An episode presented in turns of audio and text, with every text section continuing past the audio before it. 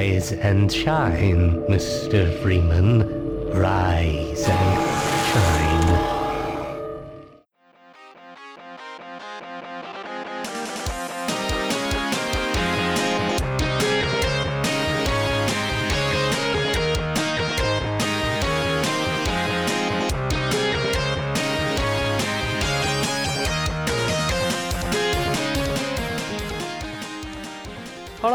Og hjertelig velkommen til Spill. Podkasten der vi snakker om gamle, men også nye spill. Og forresten, mitt navn er Adrian Haugen, som driver spill sammen med han Håkon Puntervold. I dag så skal vi snakke om Half-Life 2. Og det har seg sånn at i 2004 så kjøpte jeg min første gaming-PC på sommeren for å spille Battlefield Vietnam. Men på den tida så var jeg litt sånn slapp på spillnyheter og lite visste at noen måneder senere så skulle dette spillet bli utgitt. Og jeg brukte veldig mye tid på Half-Life 2 og andre Steam-tjenester og Steam-spill, som f.eks. Counter-Strike Source. Og så det ble ikke så mye Battlefield Vietnam som jeg trodde det skulle bli. Men uansett, jeg er veldig fornøyd med at jeg fikk kjøpt meg gaming-PC på akkurat det tidspunktet. Og vi har jo tidligere snakka om Half-Life 1, og hvis du ikke har hørt på den episoden, så anbefaler jeg å sjekke den ut. Og det er ca. ett og et halvt år siden sist vi lagde den, så det er noen episoder siden. Vi stiller også med samme mannskap som eh, forrige episode, eller når vi spilte inn Half-Life 1. Og da vil jeg først ønske deg velkommen tilbake, Ralf William Dublin. Ja, hei. Hei, hei. Endelig Half-Life igjen. Hvor det går? Nei, det går uh, greit, vil jeg si. Og uh, han Håkon gjorde meg oppmerksom på at de, når vi spilte inn uh, Goti 2020-episoden, så mm -hmm. kåra du faktisk Half-Life 2 som årets retrospill. Jeg, jeg tenkte på det der. Jeg, jeg trodde da at det var liksom i 2021, men det var ja, OK, det var 2020. Det er så lenge. Tida går fort. Men ja, ja. Det, det, stemmer jo det. Og jeg har jo runda det en gang til etter det, så det, som jeg sa, jeg tror jeg sa det da, jeg runder det vel en gang i år omtrent. Og du ble vel litt ivrig når du skulle spille inn den Half-Life 1-episoden, med at du bare hoppa rett over til toeren. Det kanskje var det. Ops. ja, nå får vi endelig prate om toa, da. Yes. Og jeg vil også ønske han Mats Rindal Johansen velkommen tilbake. Hallo, hallo. Tusen takk for at jeg fikk eh, lov å være med atter en gang. Blitt sånn Half-Life-ekspertgjest, tydeligvis. Du er jo PC-gjesten. Du har jo også vært med på uh, Heroes 3-episoden ja, for ganske lenge siden. Eh, jeg tror du ikke har vært med siden forrige Half-Life-episode. Nei, nei, det er gått, det gått en god stund, men eh, dette er jo et perfekt tidspunkt å gjøre comeback. Intet mindre enn Half-Life 2. Magnum opuset til, til Valve. Ja, og du er jo spills go to guy når du skal snakke om PC-spill. Ja, ja det varmer hjertet. Jo da, jeg er godt over snittet interessert i PC-spill, kan vi si. Hvordan var deres eh, første introduksjon til Half-Life 2? Var det et spill dere hadde fulgt med på forhånd gjennom nyheter og sånne ting, eller opplevde dere det samme som meg, at det kom på meg som en stor overraskelse i november? 20 eh, Nei, 20 skal dere høre. Ja, det blir 2004. Rart å si det. 2004 2004. Det Svenskene har en mye måte å si på. Kan jeg, kan jeg, begynne? Kan jeg begynne med? For at uh, det, var, det, var, på radaren min. Å herregud, det var på radaren min. Og det var jo det, Spillet ble jo utsatt uh, pga. kildekoden. Ble, det, det, kanskje jeg foregriper begivenhetenes gang, men uh, det skjedde jo noe skitt som gjorde at uh, det ble jo utsatt. Og det var jo Ja jeg hadde jo bygd min AMD Atlon 64-maskin for dette spillet. ja, snakker vi. Eh, I 2003. Og, eh, og, så kom det jo ikke før i 2004. Greia da var at jeg måtte inn i militæret oh. på høsten. Og dette kom jo i hva, september? Oktober? Nei, november. November, ja. Så ja, eh, jeg fikk jo ikke begynt på dette spillet. og sånn med en gang. Men, men, det ble faktisk litt gaming på dette i løpet av min militærkarriere, da. Men du bygde ikke PC-en etter Battlefield Vietnam, som var min, spill? altså, jeg spilte Battlefield 1942, det gjorde jeg. Men, og, men, eh, det var fordi at det var litt uh, smoothere og kulere enn Codename Eagle, eller Codename Ugly, som vi kalte det. For det så ja. ganske dirty ut, det spillet. Men ja. ja nei, det, det, her var, det, her var, Herregud, jeg var så klar for Half-Life 2. Det Jeg var um, litt i samme båt, men jeg var ferdig med militærtjenesten min. Så på dette tidspunktet var jeg student i Trondheim. Uh, jeg hadde en rå gaming-PC. Jeg tror jeg hadde et um, jeg husker, det, var, det må ha vært en Intel-PC, men jeg husker jeg hadde et, uh, et sånn uh, 9500 Radeon-kort som var flasha til 9700 Pro.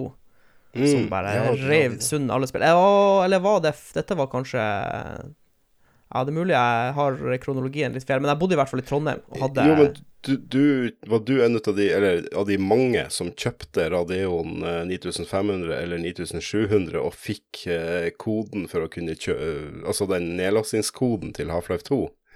Nei, det, var, det gjorde jeg ikke. Ja, for, for den kom jo, det kom jo året før, da, i i med. 2003. Ja, det var bøndla med i 2003, men du Spillet blir utsatt, så det er folk bare «Åh!» Jeg husker vi var bare en gjeng som flasha de her eh, Radeon-kortene våre eh, i, i, mens vi venta på Half-Life. For vi, vi, vi, vi var også det samme. Vi, vi venta på Half-Life 2, men så ble det forsinka, og så var det bare ja, gru og, gru og for, fortvilelse. Men det kom jo til slutt, da. Ja, for et år 2004 skulle bli eller 2004-2005, den der militæråret der, det ble eh, Det var RTL Skispringen 2004. Det var det, det skal du ikke kimse av. Det er beste skihoppespillet som er laga. Eh, og så var det Half-Life 2. Og så, for å krone det hele, Metal Gear Solid 3. Ikke sant? For, en, eh, for et spill eh, Det, det kom flere spill, men jeg har ikke gjort research på alle spillene som kom ut da. Og hvis dere tenker at jeg var så stille under når jeg snakker om PC-hardware, så det er en grunn til det, fordi at eh, jeg er ikke særlig god på det, og når jeg skal kjøpe en ny PC eller noe sånt, så er det han Ralf her jeg bruker å spørre, finn meg en bra PC. Så sånn løser jeg hardware-problematikken. Jo, men eh, det Jeg vil si det er helt fair. Det er mange som er, som er der. Det er ikke så viktig å kunne alt om det, liksom. Så lenge du får deg en. OK PC. Og så er det litt sånn eh, Finn det som er godt nok. Ikke, ikke driver med noe PC Master Race. Nå er det jo også litt som å kjøpe en konsoll når du går ned på Elkjøp og kjøper en Lenovo Legion 5, liksom. Det, er jo, Mm. ser jo ut som en konsoll òg, egentlig. Så det er jo blitt veldig strømlinjeforma. Men dere kjøpte det på release, eller Ralf du var i militæret, men eh, du, Jeg kjøpte Mats, det på release, eh, eller den helga. Første frihelga jeg hadde da etter eh, Altså da det kom ut. Ja, nå vet jeg ikke hva eh, foreldelsesloven på sånne her forbrytelser er, men eh, det skal sies, når Mats var student i Trondheim, så var det ett et og annet spill som ble piratkopiert. Eh, og jeg husker at eh, Det jeg tror var tilfellet, var at jeg tror jeg piratkopierte Half-Life 2 når det kom, eh, men så hadde jeg en Steam-konto, så kjøpte jeg vel den Orange-packen når det kom. Orange Box. Orange Box, ja, den der samlinga med Portal og eh, Half-Life og Så du prøver å redde det inn der, Ja. når du skal inn i retten? Jeg var fatt, det skal sies, jeg var fattig student da, så jeg hadde grunnlag For det var episode én eller to, jeg husker ikke. Jeg tror det var episode én, Ja, det var en av episodene, og så var det jo Portal og ja. Og, og Nei, vent, Team Fortress var jo gratis. Team Fortress fulgte med. Ja, det fulgte Men- med. Ja, ja. det var et eller annet sånn rart. Men det var i hvert fall en solid, eh, solid bundle. Ja. Men, eh, men jeg, var, jeg var veldig klar når Half-Life 2 kom, kan vi si. Mm. Men du nevnte noe der, Mats. Steam. Det var mitt første møte med Steam. Det var alle sitt første møte med Steam. Siden så er vel alle blitt fanga av Steam. ja og, vi, og vi bør kanskje si at Steam anno 2004 ikke er det vi kjenner i dag. Det var eh, Ja. Det var jo et uh, I mangel av bedre ord et helvete. Uh, fordi, Ja. at, uh, fordi at Altså, for min del, da. Eh, jeg fikk jo kjøpt det Half-Life-spillet da jeg hadde fri.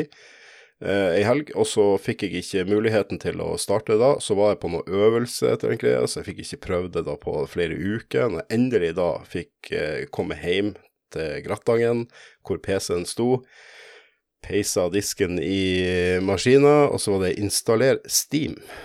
Yes. Her for noe, ok? Så installerer jeg Steam, og så bare Du må ha en internettilkobling for å aktivere spillet. Jepp. Jeg hadde ikke internettilkobling, så jeg kunne ikke starte spillet. Og faren min, han hadde sånn eh, Da måtte jeg eh, dra ut det innebygde eh, modemet fra Han hadde sånn 50 Han hadde jo bare dial-up.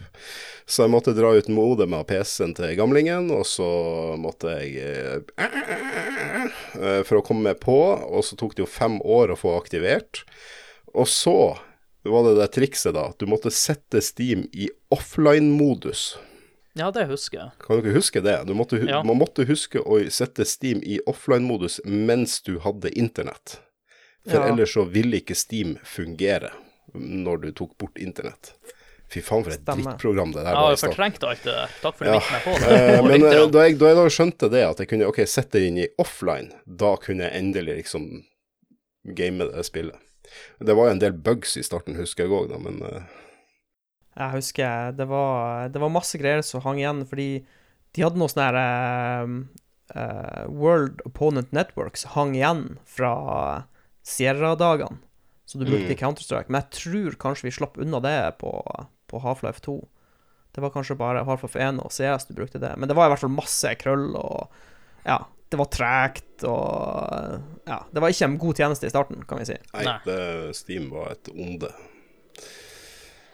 Nå har vi jo nevnt eh, Steam, og og Ralf var jo inne på den lekkasjen, så jeg tenkte jeg skulle fortelle både dere to og lytterne litt om bakgrunnshistorien for Half-Life 2.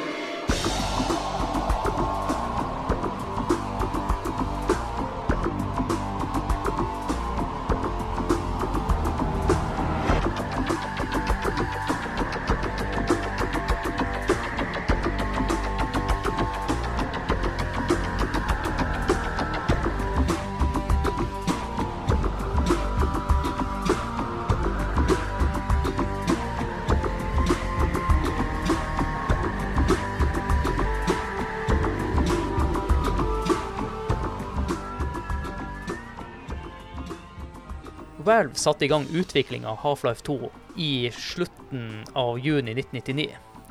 Dette var bare litt over et halvt år etter utgivelsen av Half-Life 1. Og noe av de første de satte i gang med, var å utvikle Source Engine, som skulle ha hovedfokuset på to faktorer. Det første var å få frem en mer realistisk ansiktsanimasjoner, og det andre var å få til en bra fysikksystem. Handlinga til spillet ble også diskutert. Den første ideen var å fortsette med Freemans reise til andre planeter og fjerne essens fra de forskjellige planetene. Men de var ikke helt begeistra for denne ideen. Så det var da Bells art director foreslo at spillet kunne foregå i en østeuropeisk by. Og dette var en idé som hele teamet likte og sto bak. I 2000 eh, begynner de å få på plass plottet. De hadde også fått gjort ferdig en del av character-designet og noen få maps. I 2001 så begynner Gabe Newell å trekke seg tilbake fra prosjektet for å fokusere mer på arbeidet med Steam. Det var også på denne tida at de, fikk eh, fysikken til å fungere skikkelig i Source Engine. Året etter hadde teamet fått på plass en trailer. Siden Newell ikke lenger var innblanda i dette prosjektet, så var det veldig spent på hans tilbakemelding. Og tilbakemeldinga de fikk fra Newell, var at han var lite imponert over han fikk se, og mente at prosjektet trengte mer tid. Litt seinere samme år så viser teamet en forbedra trailer til han og tilbakemeldingen er jo akkurat de samme som forrige gang. Denne tilbakemeldinga gjorde jo at eh, teamet fikk seg en liten knekk, men de var innstilt på å få det her til. Dermed satt de oppe hele natta og jobba videre med denne traileren. Og den ekstra innsatsen gjorde susen. Han Juel var nå veldig imponert over hva han fikk se. Og tilbakemeldingen denne gangen var at han Juel ønska at han skulle få ut en trailer til E3 i 2003, da, og ha spillet klart for release i utgangen av 2003. Når E E3 2003 gikk av stabelen, så legger mange merke til at det ikke finnes en spillbar demo av spillet. Og det tar heller ikke lange tid etter E3 at teamet innser at fristen han Juel hadde satt for å gi ut spillet, ikke kom til å gå. Dermed gir han Newell ut en pressemelding om at spillet må utsettes til fansens store forargelse. Og det var akkurat på denne tida at kildekoden til Source Engine ble lekka. Og mye av arbeidet med f.eks. en tidlig versjon av CS Source, en port av Half-Life til Source og en del maps fra Half-Life 2. De som spilte det her, fant ut til deres store overraskelse igjen at Vel var langt ifra nesten ferdig med det her prosjektet. Og mannen bak det her var en 20 år gammel tysker ved navn Aksel Gembe. Vel gikk også ut og oppfordra fansen til å finne ut hvem det her var som sto bak hackinga. Og ironisk nok så var han Aksel Gembe sjøl fan av Half-Life, og han var jo bare interessert i å finne ut mer om det her prosjektet. Han ga sjøl beskjed om at han sto bak og håpa å få seg en jobb hos selskapet. Og han hevda hele tida at han ikke var den som sto bak selve lekkasjen, men innrømte datainnbruddet. Dette medførte jo en rettssak hvor han Gembe ble dømt til slutt. Og denne lekkasjen visste også at Vel på et tidspunkt hadde sett for seg eller satt en mye mørkere tone for spillet, ifølge artworken som var gjort på et stadie. da. Det var ikke før i mars 2004 at spillet var såpass ferdig at utviklingsteamet kunne starte med playtesting. Og 13.10 blir Half-Life 2 endelig godkjent av Vivendi for å kunne bli sluppet ut på markedet. Og dagen etter feirer han jul med dette her med å knuse en pinjata forma som en skanner. Den 16.11 blir Half-Life 2 sluppet ut på Steam, og dette var starten på det Steam vi kjenner i dag. Og spillet mottok gode kritikker fra både publikum og kritikere. Og da lurer jeg på, er noe av det jeg fortalte dere nå som var nytt for dere, eller er det noe dere har lyst til å tilføye? Ja, at han knuste en eh, pinjata som eh, så ut som en skanner, det, Ja, det var nytt for meg òg. Og det er jo Det var det er humor. det var en eh, måte å feire på. jeg, var jeg, husker, jeg husker det der med at eh, kildekoden ble lekka og alt det der, men jeg var ikke klar over det med han, han tyskeren der, som het Aksel, om at han eh, hadde ambisjoner om å få seg jobb hos Hvelv. Men det er kanskje ikke rette måten å gå, gå frem for å få seg jobb i et selskap. Jeg mener det er noen som har klart det, men det jeg ikke tok med her, var Ja. at Valve de lurte han i felle også, til å Å, ja. innrømme mye av det her. Og så ga de videre det, det her til FBI, da. Ja, ikke sant? Jeg tipper, jeg tipper hvis han hadde hvis, hvis han bare hadde samla alt han hadde fått tak i med datainnbrudd, og bare gitt det rett til dem og sagt sånn her fant jeg denne uh, Dette var det sårbarheten jeg brukte for å komme meg inn i systemet deres, og sånn her, dette burde dere se på. Men han var nok bare litt uheldig med at uh, han ga det videre til noen kompiser. Og, Ja, jeg tror det er det som skjer. Han var jo bare 20 år, og ja, det er jo stas å vise kompisene hva du har fått til. Skryte litt og ja. Kanskje de var på et LAN, og så eh, var det noen filer som ble kopiert, og da, ja, da er det gjort. Men jeg, jeg mener også at, eh, at han var lett å spore i systemet, et eller annet, men det var ingen som hadde øynene opp for at han var inne der og lekte seg. Ja, og så syns jeg også det var litt sånn eh, avsporing, men eh, jeg liker også at eh, det var vanlig under E3 at det fantes spillbare demoer av spillene du viser fram. Det er jo helt slutt på det. Du, det er jo ikke noe Ja. Ja. det, ja, det var en annen tid, kan vi si. Nå er det sånn, vis dem en trailer, og så skal du Og så må du forhåndsbestille spillet for å få lov til å spille demoen. Yes. Til det blir Ja, blir du skal betale 1.0-release. for å spille demo. Jepp. Ja, det har virkelig endra seg. Det er helt eh, idiotisk. Ja. Og, og en annen ting som er litt interessant med den lekkasjen, jeg tror den også var formet Half-Life 2. For de hadde jo satt en mye mørkere tone til spillet, og når så mye ble spoila, så måtte de vel kanskje tenke nye baner på diverse design. Det blir jo som en slags ufrivillig playtest, på en måte. Ja, At du, du får feedbacken fra de her folkene som har spilt eh, den lekka versjonen. Så jeg vel Ja, jeg er ikke i tvil om at det har påvirka retninga til spillet. det kan jo hende at uh, Valve hadde litt flaks i det her, og på en annen måte så er det jo god PR. Man tenker at det er kanskje dårlig PR, men jeg vil si at det er god PR, for jeg mener akkurat det her var noe man leste til og med på VG-nett og sånne ting. På Ja, Tiden. jo, nei, de fikk jo De fikk jo eh, ordet ut Altså, mange, det var sikkert mange som hørte om Half-Life for første gang i forbindelse med alle de nyhetssakene og Ja. ja. alle eh, alt spetakkelet rundt det. Jeg mener jeg fikk med meg de nyhetene, fordi at eh, når Half-Life kom ut i 1998 Det er jo noen års mellom Half-Life og Half-Life 2, Ja. Ja, ja, ja. Det er jo seks år. så det er egentlig ganske lang ventetid. Ja. Ja, det skulle jo bare være fem, ja. ja. men uh, ja. Og jeg husker jeg ble lei meg når, eh, da, det, da det ble utsatt. Men mitt spørsmål er, ble Half-Life 2 egentlig for å fronte Steam? Litt sånn som du hadde Half-Life Alyx nå, og ikke det for å fronte de der eh, Steam VR, VR-brillene? VR ja. Ja. eller Valve Index, heter den vel. ja, den stemmer. duppeditten. Ja, altså um, Jeg tror først og fremst så var Half-Life eh, 2 eh, et, et kjøretøy for Source-motoren, og bare vise den fram, på en måte. For de hadde utvikla en ny, fancy motor. fancy spillmotor. Ja. Så de håpte vel at, at det skulle ta av når Half-Life 2 kom, at, at flere andre spillutviklere benytta seg av Source-motoren for å lage sine egne spill. Litt sånn som Unreal Engine. Ja, det var eneste grunn til at uh, Epic eh, lagde Unreal-spillene, virka det jo som på slutten. Mm. For. De lagde et nytt Unreal Tournament. Det var bare for å vise at eh, hei, vi har lagd ny Unreal Engine. Nå har vi uh, mer fancy lyseffekter og skygger og Ja. Unreal Engine eh, 3, når den fikk en liten oppussing, så gjorde de jo da, dropp, da, da skrota de jo Unreal Tournament 2003, lagde 2004, som var mye smoothere og ja. Det hadde ikke det der han brunfilteret. ja. det, det, uff, det, var- det var en trist tid. Jeg husker bare jeg satte veldig pris på spill som var i Source Engine. For i hvert fall opp til Half-Life 2 så var det veldig Det føltes som det var veldig optimiserte spill, med at det var Mm. De, de fløyt bra. Eh, det var lite tull, på en måte.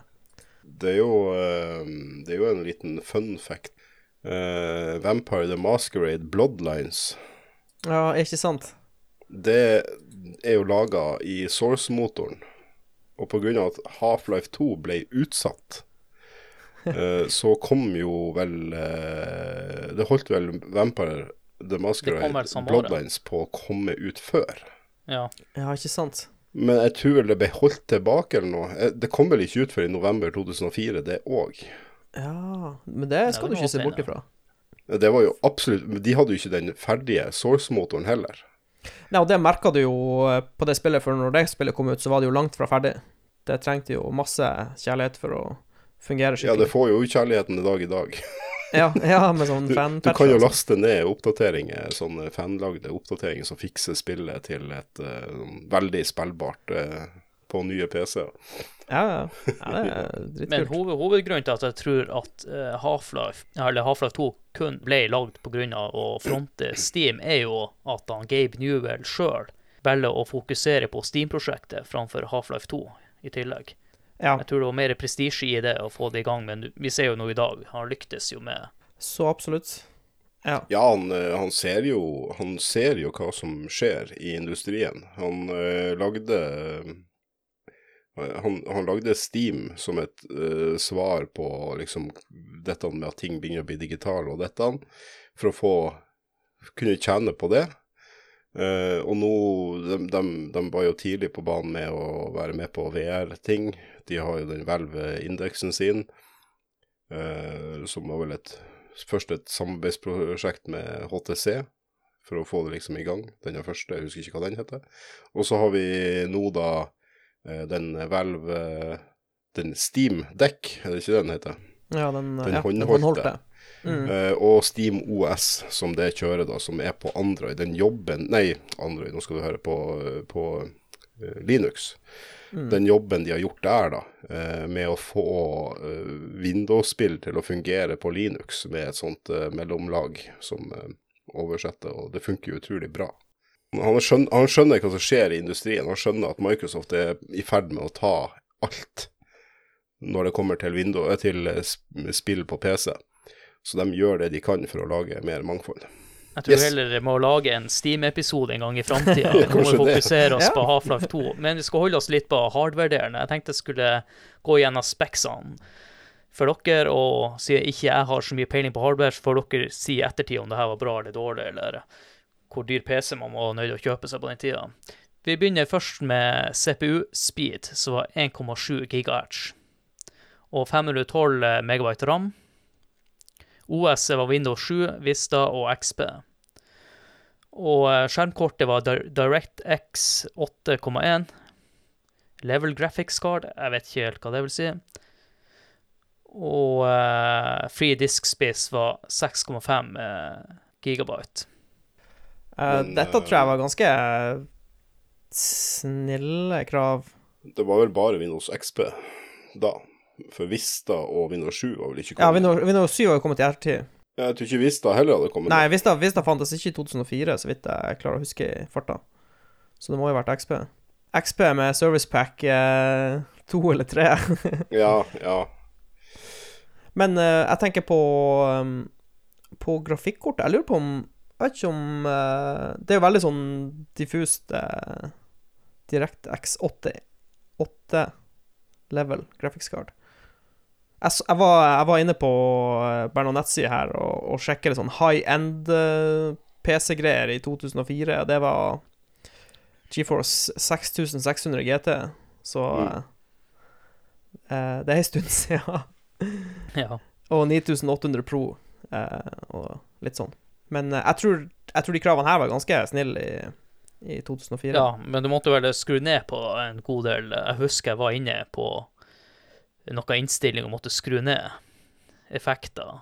Enda hadde kjøpt en ny gaming-PC. Tror jeg betalte en 15 000 for den. De AMD Atlon-CPU-ene man hadde i den tida, de må jo ha vært mye mer enn 1,7 GHz. Ja, altså, det var jo Atlon eh, 64 som var da. De lå jo på en par gigahertz, mener jeg å huske. Ja, ja. og og. Men det var da de begynte Jeg tror det var da de begynte med sånn der han eh, Sånne score-rating istedenfor uh, Istedenfor uh, gigahertz. ja? For det var en eh, det var, det var jo da de begynte liksom å, å fokusere litt på det her med, med instruksjoner per klokke og, og, og dette. Eh, for, for Intel hadde jo på, på um, Pentium 4 så hadde de jo noe helt sinnssykt høye klokkefrekvenser. Så tror jeg de gikk jo ned da de gikk over til Core. Ja, sånn instruksjoner per eh, syklus, Ja, på en måte. ja altså du du har IPC. jævla høy eh, frekvens, men eh, det er ikke så mye han får gjort per uh, hertz, da. Nei, og da, da hjelper det jo ikke. Ja, så, så da når- de gikk over til den Core-serien, så, så ble de litt mer sånn multi, at de klarer å gjøre litt mer. Og det var der da AMD, tror jeg, var at de, de prøvde å skrive, lage sin egen sånn der Litt sånn som Samsung har gjort i tidligere, nå i senere tid, med å ha sånn picture quality index på sine TV-er. Ja, ikke sant. At eh, den har PQI på 3000. Kjempebra. Det er viktig å kunne sette Whatever tall på det. Whatever that means. Ja, ja. Jeg husker bare at, jeg nå er vi tilbake og snakker om eh, Mm. gigahertz igjen, da. når Half-Life 2 kom, så var det i hvert fall AMD som var eh, the hotness. Ja. Ja. Det var Og når du nevnte Half-Life 2, så uh, tenk at vi kan jo komme oss litt videre i episoden og gå gjennom plottet til spillet. Half-Life 2 det foregår ca. 20 år etter eh, eh, Black Mesa-ulykka. Og i mellomtida har aliens kalt Combine tatt over kontrollen på jorda, etter de vant den eh, såkalte Seven Hour War. Spillet starter med at Gordon Freeman blir vekket opp eh, fra en slags eh, stasis, kan man jo si, der han møter han eh, G-Man. Og etter hvert så teleporterer han G-Man han Freeman til et tog på vei inn til byen City 17. Og her blir det klart at menneskeheten er under kontroll av eh, Combine, og han Freeman blir fort involvert i en motstandsgruppe som kjemper for å befri menneskeheten, og blir en, og blir en aktiv deltaker i kampen mot eh, Combine. da. Hva dere tenker om settinga? Det er jo litt annerledes i forhold til Half-Life 1, som foregikk bare inn på Black Mesa. Her får vi se resultatet fra den ulykka. Jeg vet ikke, jeg tror, det, jeg tror det er bevisst at de har liksom gått veldig bort fra For på, på Black Mesa og Half-Life 1 så for, det er litt sånn litt sånn kompakt og delvis klaustrofobisk, så kanskje de med den nye Source-motoren så ville de kanskje vise litt sånn større åpne områder. Derfor gikk de bokstavelig talt ut av eh, komplekset og inn i den store frie verden. Men eh, ja, Ja, jeg vil jo si at de har vært utrolig modige. De har jo gått litt bort ifra det som var suksessen i Ena, og sagt at eh, nå gjør vi noe på en helt annen måte, og Ja. de lykkes med det. Men hva dere tenker sånn ellers om settinga?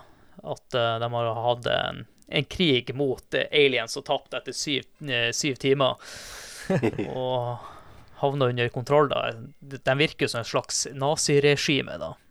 Ja, det, du får veldig sånn uh, vibber uh, av det når du uh, går rundt i starten der, og han dytter ned den boksen og ber deg plukke den opp før du får lov til å gå videre, og ja, det er litt sånn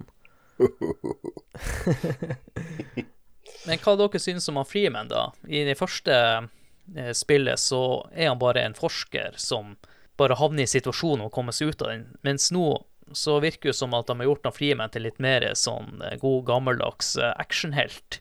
Rambo. Alle vet hvem han er, og Ja, han har veldig sånn legendestatus, for nesten alle i den mot motstandsgruppa kjenner han igjen Ja. med en gang, og bare 'Å, Gordon Freeman, han kommer til å få hjelpe oss', liksom. Ja, for at han, han var jo Han var doktor. Ja. Han var bare 27 år. Eh, Det her snakka vi om i Havflåten-episoden. Og, og ser fortsatt eldre ut enn oss. Og Mats er akkurat pikka 40, og vi er i slutten av 30-åra. Men Og er egentlig, egentlig så var han jo bare han fyren som dytta den vogna inn i rommet. I Ja, ja. Ja. uh, ja, det, hva hva han sa Ja, kjempebra jobb med å dytte. Ja. Godt jobba, doktor. Ja, for at han er 27. Du er jo fortsatt 27, du, for du har ikke blitt Ja. noe eldre. For at i slutten av ena så går du jo inn i den, teleport den portalen. Eh, og da regner jeg med at det er liksom Du kommer direkte til Half-Life 2 eh, når du Fra Half-Life 1 til Half-Life 2. Så for han Gordon så er det bare et blink. Og for, eh, for resten av verden så har det gått 20 år. Og, og i, i den, på den tida så har jo da Alex året etter blitt født. Men det er litt my- mystisk da at alle, absolutt alle vet hvem Gordon Freeman er. Han har ikke vært eh, Han har ikke eksistert i 20 år. Men, eh, men hva dere tenker at han bare blir en sånn eh, action-dude som Ja, det virker jo Det virker jo som at hvem som helst som kan ta på seg en sånn Hasselshoot, kan bli helt. ja, Men det vel og, kanskje og, er og den drakten er vært klar for han sikkert i 20 år, eller noe sånt. Ja, og så kunne egentlig bare han Barney ha tatt den på seg og fiksa det. Men han Barney han er veldig litt chubby, så han måtte vel ha hatt en liten diett der før Han han, var jo chubby, for, men der er- ser jeg et plotthull, da. For at han Barney, det er jo han du spiller i Blue Shift. Ja. Og da er jo han eh, Altså, han må jo være 40-50 år i, i Half-Life 2, men han er jo ikke det. Han holder seg bra. Han holder seg jævlig bra. ja. Og han eh, gamle professoren er, er jo like gammel. Han har ikke blitt noe eldre. Så eh, de, de sier 20 år, men det er, det er litt rart, da, syns jeg. ja, de fleste er eldre som er gode vin, og du har noen av de gamle professorene som var gammel for 20 år siden og egentlig burde nærme seg 80 og fortsatt samme alderen. Ja, Så det er litt plotthold der. Ja. Ja. Men, eh, men jeg skjønner jo det. De kan jo ikke Combine kunne jo ikke bare ha lagd eh, City 17 og eh, Eller byen har jo vært der da. En eller annen, en eller annen eh, europeisk by. Eh, men de har jo bygga det her skallet rundt og det her han, eh, gigantiske vakttårnet som han professor eh, something something eh, bor oppi. Sit, citadellet. ja. Ja. Ja. ja Citadel, ja. Men jeg tror nå de har gjort det på den måten, sånn at de gamle fans av eneren skal være kjent med noen karakterer, liksom homasj til dem. At Ja ikke bare alt er nye folk. Du, du, må, du, må, du må akseptere en del eh, ting, eh, men for at men altså når du, for, for å ta det da, spillet går ifra å være inne i korridorer og sånt i ena til eh, også noen bitte små uteområder da, til det her gigantiske greia. Altså du kommer ut av togstasjonen, og det første du ser, det er liksom det her han Citadelen som åpner seg opp. Det går en alarm i det fjerne, og så ser du Citadelen, den gigantiske bygninga, langt, langt borte den bare åpner seg opp, og så bare kommer en sverm ut av sånne her han, eh, eh, de her skannerbotene ut av den. Og det, det var det Og så flyr det jo en sånn, en sånn eh, flygende combine-sak over, og kablene som henger eh, mellom ly lyktestolpene, de, de flaksa i vind. Svaia. Ja, det var Det var, altså, det var sinnssyke teknologisprang fra Half-Life 1 til Half-Life 2. For det om det bare var gått seks år, så var det, det skjedde mye Ja. på PC-fronten på de seks årene. På Det, grafikken. det, var, det var som å hoppe to generasjoner fram, liksom, i Mm. konsollverden. Det var helt sjukt. Så har de jo gjort eh, verden mye større. Handlinga skjer på flere forskjellige lokasjoner. Det, og de lokasjonene er veldig forskjellige fra hverandre. Ja, det spilles veldig forskjellig. Ja, så, sånn som i ena, da var du egentlig bare på ett område, og av og til så var du litt ute. Mens her, ja, som du sa, Ralf, det spilles også på forskjellige måter, som vi kan jo komme tilbake til litt seinere, da. Men eh, det er jo Jeg nevnte jo fysikkmotoren litt tidligere i spillet, og det var jo også noe de la veldig mye vekt på i det her spillet. Med alt fra puzzle-solving til eh, et berømt våpen vi skal snakke om litt det du nevnte i starten med togstasjonen, Ralf, er jo at eh, det første møtet med den fysikkgreia er jo at han ene vakta slipper en brusboks som du er nødt å plukke opp og hive i søpla. bare de små detaljene der som er litt sånn kul. Nå kunne du jo plukke opp ting i tidligere spill og kaste de, men det er bare måten de oppførte seg ting i verden. Det er jo det som er den, den Du har en Det er gravitasjon. Ja, og, og den ragdoll-effekten. Ja, den var jo kjempekul da. Nå, se, nå er den jo litt utdatert, eh, men, men, eh, men da var det bare wow. Den, den er litt overdreven, kan vi si, i, eh, i gamle fysikkspill. For de ville, de ville vise fram fysikken, ikke sant, men Mm. det resulterte jo i at det ble litt sånn vel voldsomme dukkeaktige døder på Ja, for det var jo med en gang on player death, så bare alle joints blir slapp. Ja. Og så bare enten detter du som en potetsekk, men hvis det er en eksplosjon i nærheten, så fer du som ei ragdoll, filledukke. Fy Du flyr som ei filledukke av gårde, og det gir jo ingen Det ser jo veldig rart ut i dag. Det var helt insane kult da. Ja, det var helt insane. Og noe annet som var insane med det spillet, var jo Det også nevnte de hadde fokus på før det spillet her, det var jo ansiktsmimikk. Og det vil jeg bare si jeg føler fortsatt, etter siste gangen jeg spilte gjennom, jeg føler fortsatt at herregud, det er så sykt mye bedre lipsync og ansiktsanimasjoner, karakterer og livlighet i karakterene. Det er så mye mer i det spillet enn i et hav av spill jeg har spilt som er helt ny siste fem åra. Ja, det er helt sjukt hvordan de har eh, Ja. Det er sånne små ting som sånn at bare leppen beveger seg, Mm. i hvert fall at det ligner på at det er synkronisert med det de sier. At de ikke får til det på moderne spill i dag, er jo hårreisende. Men ja, det skjer. Også karaktermodellene, det, når du møter oh, Alex, og, altså de som er, de har brukt litt mer tid på, da. Barney, Alex, Ja. eh, de, noen av professorene, også faren til Alex. Detaljnivået er jo eh, Det var jo bare helt vilt. Jeg har jo noen fun facts på noen av karakterene. Faren til å, og, Alex, da, han doktor Eli Wance, Han skulle egentlig hete Eli Nei, nei, han skulle egentlig hete Captain Vance og være en ja. hvit mann. Han Eli, da, han er egentlig et resultat av to forskjellige karakterer som merger til én. Han Captain Vance og han, eh, Eli Maxwell. Og hun eh, Alex, da, hun opprinnelig så hadde hun og han Eli en helt annen relasjon til hverandre. Og så hadde hun også litt annen bekledning under utvikling av spillet. Så hun hadde en slags futuristisk jumpsuit og en grønn jakke, som endra litt på utseendet der, da. Det ble dongeri og jogge... jogge Det blir sånn casual, casual Ja. streetwear i stedet. Og så må jeg jo nevne noen andre eh, karakterer som er Vi har jo nevnt han eh, Wallace Breen, da. Som er en slags representant for menneskeheten som er oppholdt seg i det store tårnet Ralf nevnte. Som er under styret til Combine. Og han var også mannen som forhandla frem en avtale med Combine, sånn at ikke menneskeheten blir helt utsletta. Så på en måte så er hun ikke helt, eh, helt borte vekk, da. Ja, det er jo sånn, det er sånn gråsone Han er litt sånn Gaius Bolter fra Battlestar. Han, han er ikke gjennomsyra ond, eh, men kanskje litt egoistisk, og ja, Litt egoistisk han Gaius. smule, smule egoistisk. Bitte litt. Ja, så har du jo den roboten, han Dog, som også leker litt med mekanikkene der. Og så har vi noen andre karakterer jeg tenker vi kan jo eh, gå inn på litt eh, senere. Ja. Men uh, vi nevnte jo at uh, spillet blir større og annerledes verdener, da. Hvordan føler vi storytellinga utvikler seg i løpet av spillet? Ja, jeg, jeg spilte gjennom det i helga, og um, jeg må ærlig si det, det Jeg har ikke spilt gjennom det siden 2004-ish, så det var Det var en veldig koselig gjensyn, men spillet var litt uh, lengre enn jeg I mitt hode så var det sånn fire-fem timer, men det viste seg å være rundt det dobbelte, faktisk, så det var Å, ja. litt eh, morsomt. Ja.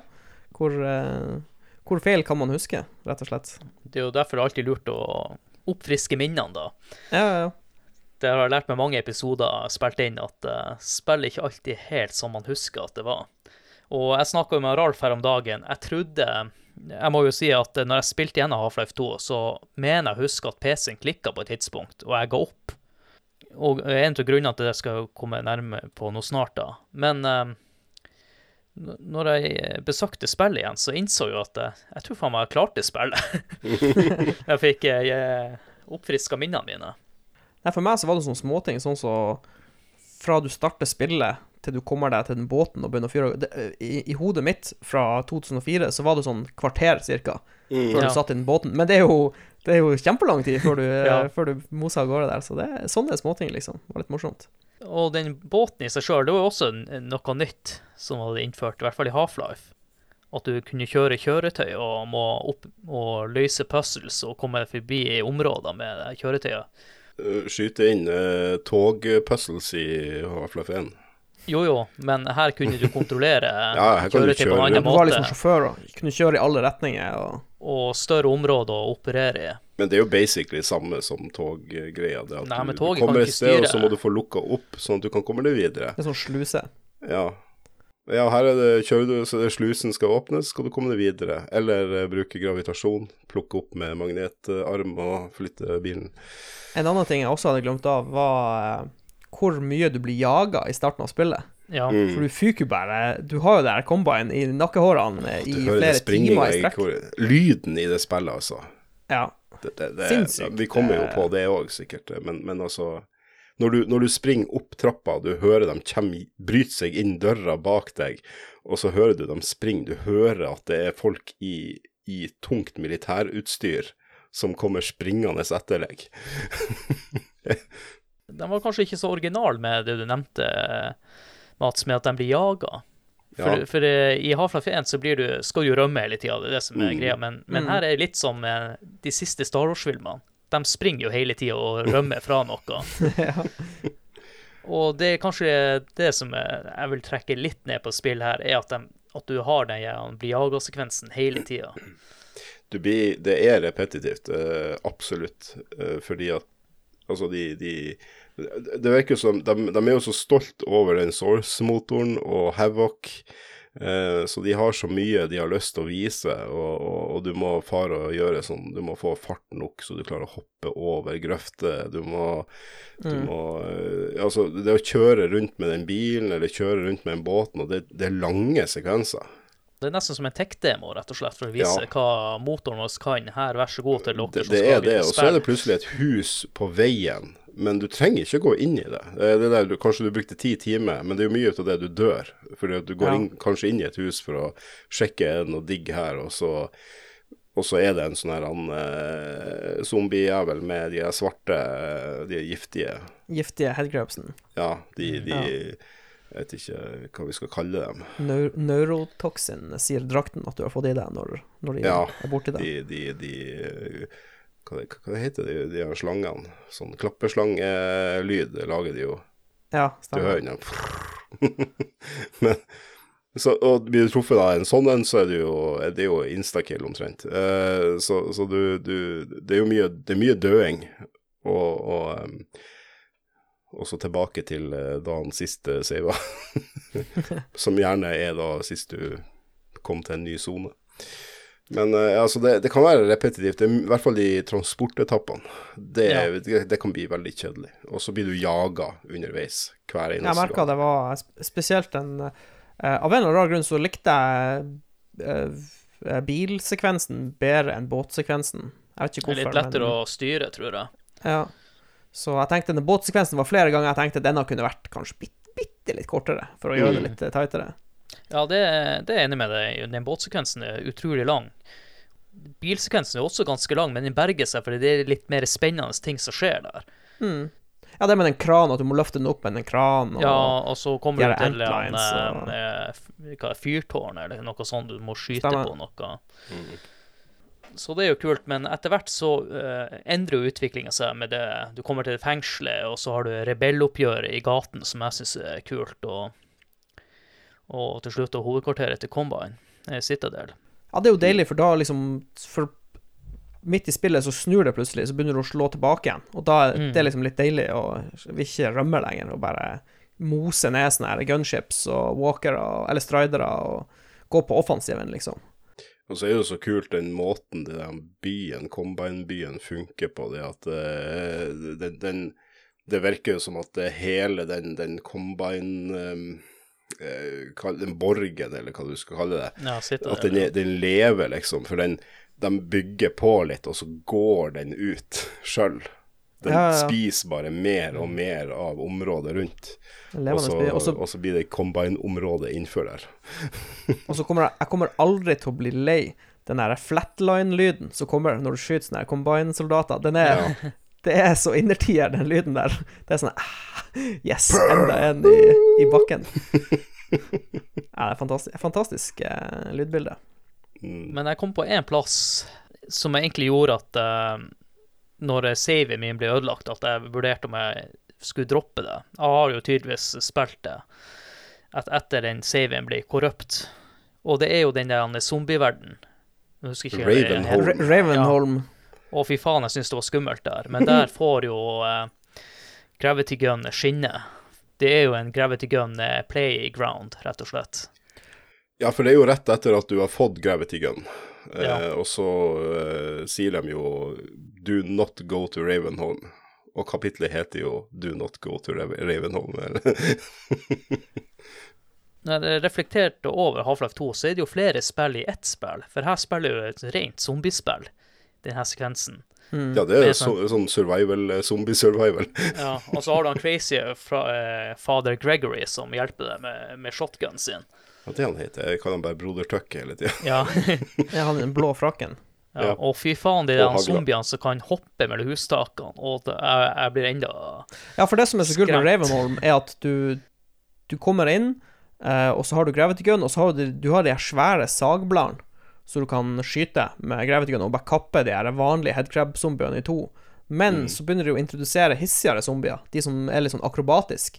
Og da er det ikke like lett å bruke den her eh, gravity gun-sagbladkomboen, så da begynner du å gå litt over på, på andre konvensjonelle våpen. Ja. Jeg har en eh, liten fun fact med ting du kan kaste. Hvis du kaster malingsspann, så får de eh, maling på seg. Mm. ja, ok, ja, det tester jeg aldri. Du, ja, du kan kaste det på, på veggene òg, og da får du malingsflekker på Ja. veggene. jeg, satt, jeg må komme med en innrømmelse når jeg spilte gjennom Ravenholm. Så eh, er det et tidspunkt eh, hvor du skal Du må springe oppå noe sånt tak eh, for å komme deg videre, og så må du, skal du flytte en liten sånn her eh, Ikke en heis, men et sånn slags platå. Du må flytte litt til høyre for å kunne hoppe over. Eh, eller det kan hende du klarer å hoppe uten den heisen, da. Men jeg må innrømme det er en sånn liten gul spake du skal dra i, oppi et sånn mm. lite kontrollrom, og den Seriøst, jeg sprang rundt i 20, 20 pluss minutt og forsto ikke hva er det jeg gjør galt. Og så til slutt så ser jeg bare den lille gule spaken som står der. Å, er det den? Selvfølgelig. Hadde det vært Så, et ja. moderne spill, så hadde det vært et eh, rødt, en rød prikk på et, eh, på et kompass, Yes. og så hadde det vært et sånn eh, E-juice-merke på den tingen, så det sto og blinka deg i trynet. Den har også fått sånn lysende effekt rundt selve handelen, liksom. Mm. Dra her, eh, din idiot. Ja. Men ja, det er, det, det er koselig. Koselig med litt vanskelig, uten at det er vanskelig. Det og igjen da, detaljer, de der som var akrobatiske, de kommer jo opp eh, langs eh, takrenn. Ja, stemmer det. De klatrer ja. opp. Ja, og, og det, når du står oppå hustaket der og bare skyter dem, de kommer fra alle kanter, og så hører klakk, klakk, klakk, klakk, klakk, klakk, klakk. Og da ser du, igjen da, detaljer, det er så mye detaljer, men da ser du at takrenna beveger seg. Den står Ja, sånn stemmer, klikk, det klikk, klikk.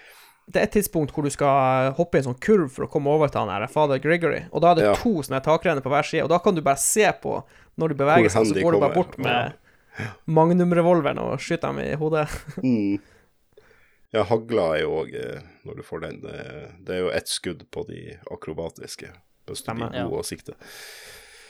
Hva er deres favorittområder, sånn, hvis du har lyst til å trekke frem noe? Vi har jo nevnt det, bilen og den båten, men vi har kanskje ikke snakket om fengsel og det der. Jeg syns nå det rebelloppgjøret er litt kult, da. Ja, jeg likte fengselet, faktisk. Og jeg, jeg syns det også var creepy.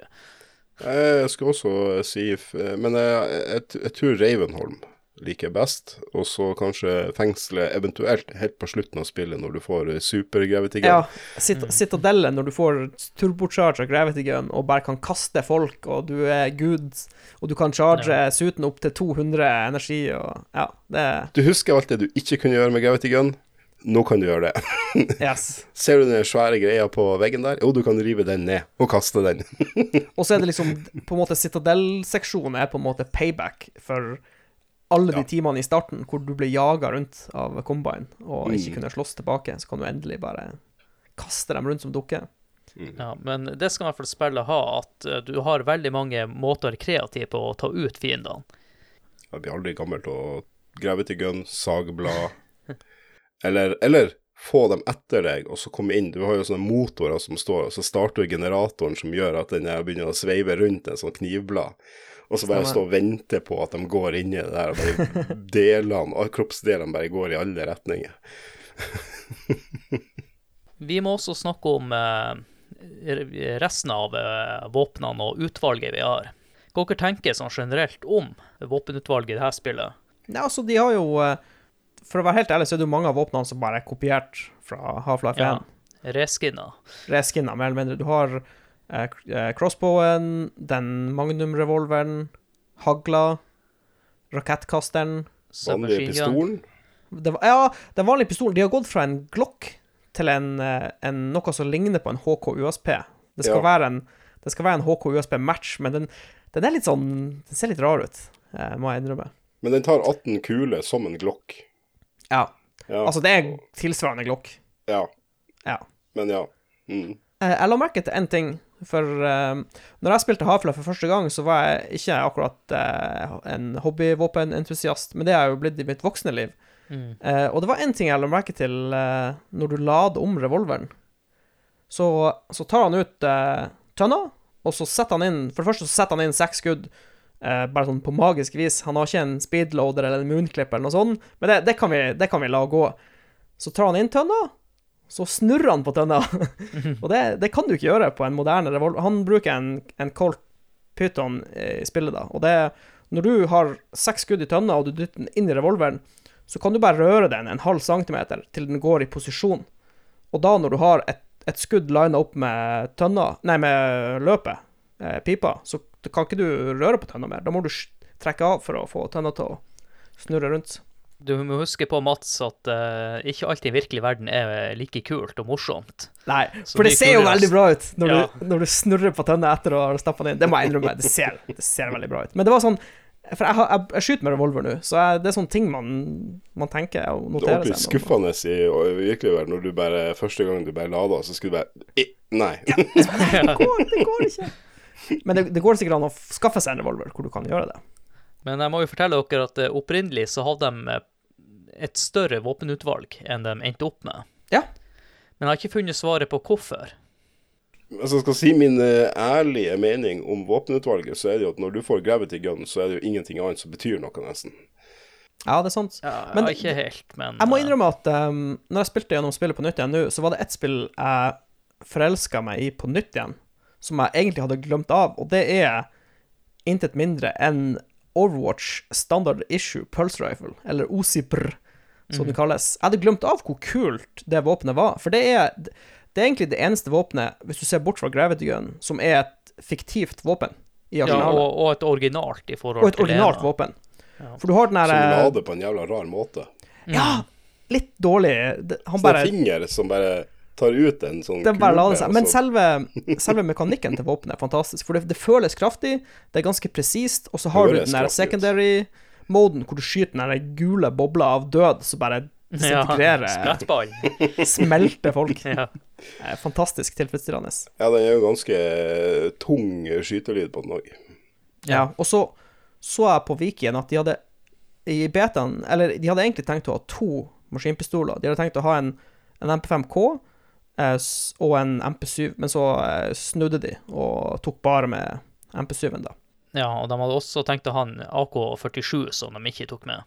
Og jeg forstår, jeg forstår at de kutta de, for det, det hadde blitt så eh, overflødig. Hvorfor, du trenger ikke to maskinpistoler som gjør så å si det samme, liksom. Så jeg skjønner jo Ja. Ja, men på en annen måte så hadde det vært litt kulere at hvis de forskjellige hva fiendene og de folkene som på laget ditt hadde forskjellige typer våpen. Ikke sant? Du har de high-tech combine, og så har du opprørerne som kunne hatt det litt primitive våpen. Det hadde jo også gitt veldig mening med tanke på at du er i City 17, en sånn østeuropeisk by, at folk har AK-er. Hvis du har en Ja. motstandsbevegelse. Det, hvordan våpen hadde dukka opp i virkeligheten da? Jo, selvfølgelig. AK, eller AKM, da, hadde sikkert dukka opp i virkeligheten, men ja.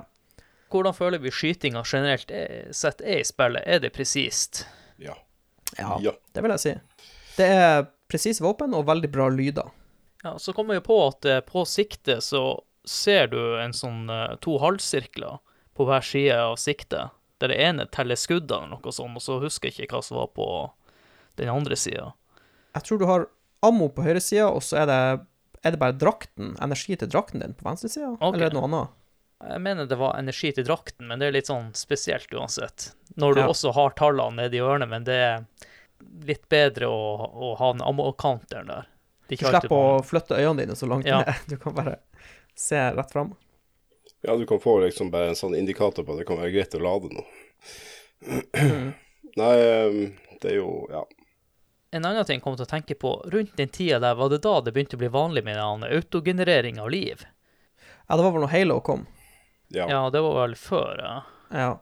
Men det tok ei, jeg tror det tok ei stund før Altså, Halo var først, og så kom Call of Duty på et tidspunkt. Jeg tror Call of Duty eh, 4 var vel det som eh, gjorde det populært. Det Mm. første Modern Warfare-spillet gjorde det liksom superpopulært å regenerere helse. Kom det ut før Half-Life 2, det? Ja, Nei. det tror jeg ikke, men vi kan jo Call of Duty 4 tror jeg kom sånn i 2006, kanskje? 2006-2007 har jeg lyst til å si. Ja. Det første Det er uansett vil jeg fram til. Jeg, savner litt den der han, eh, å ha, finne liv. Healthpack, ja, eh, men det får du jo den dag i dag, da, hvis du spiller Doom. Doom. Ja, ja, men Doom er jo også old school, men eh, det er ikke så mange ut av de nyere skytespillene som fungerer på den måten. Eh, Jeg kan bare nevne Hvis du at spiller altså PUBG Ja, Ja. absolutt. Jeg kan nevne kjapt at november 2007 kom eh, Call of Duty 4 Modern Warfare, så det var noen, noen år. Men vi har jo snakka litt om de fiendene i spillet. Syns vi at, de, at det er et bra fiendeutvalg i dette spillet? For der synes jeg at det er ikke like godt som i ena. Jeg savner den gjerne tredjeparten, sånn Ja. som var i ena. At det var flere fraksjoner som slåss mot hverandre også. Nå har man jo noen som sender monster på lag med menneskene mot Combine. Kanskje man skal ha implementert at eh, de marinejegerne eller de, eller de ninjadamene kjempa med noen eller mot noen. Jeg syns det var det, det som kanskje var en av de kuleste tingene med det første Half-Life-spillet, var at det var tre forskjellige fraksjoner som alle kjempa mot hverandre. Ja, at det var litt mer kaotisk. Ja, Ja, for nå er det jo litt sånn tydelig strid med de snille mot de slemme, på en måte. ja. Det er ikke så Ja. Men det er jo 20 år fram i tid, og så Black Ops og, og ja, alle de der, de, de har jo tapt krig.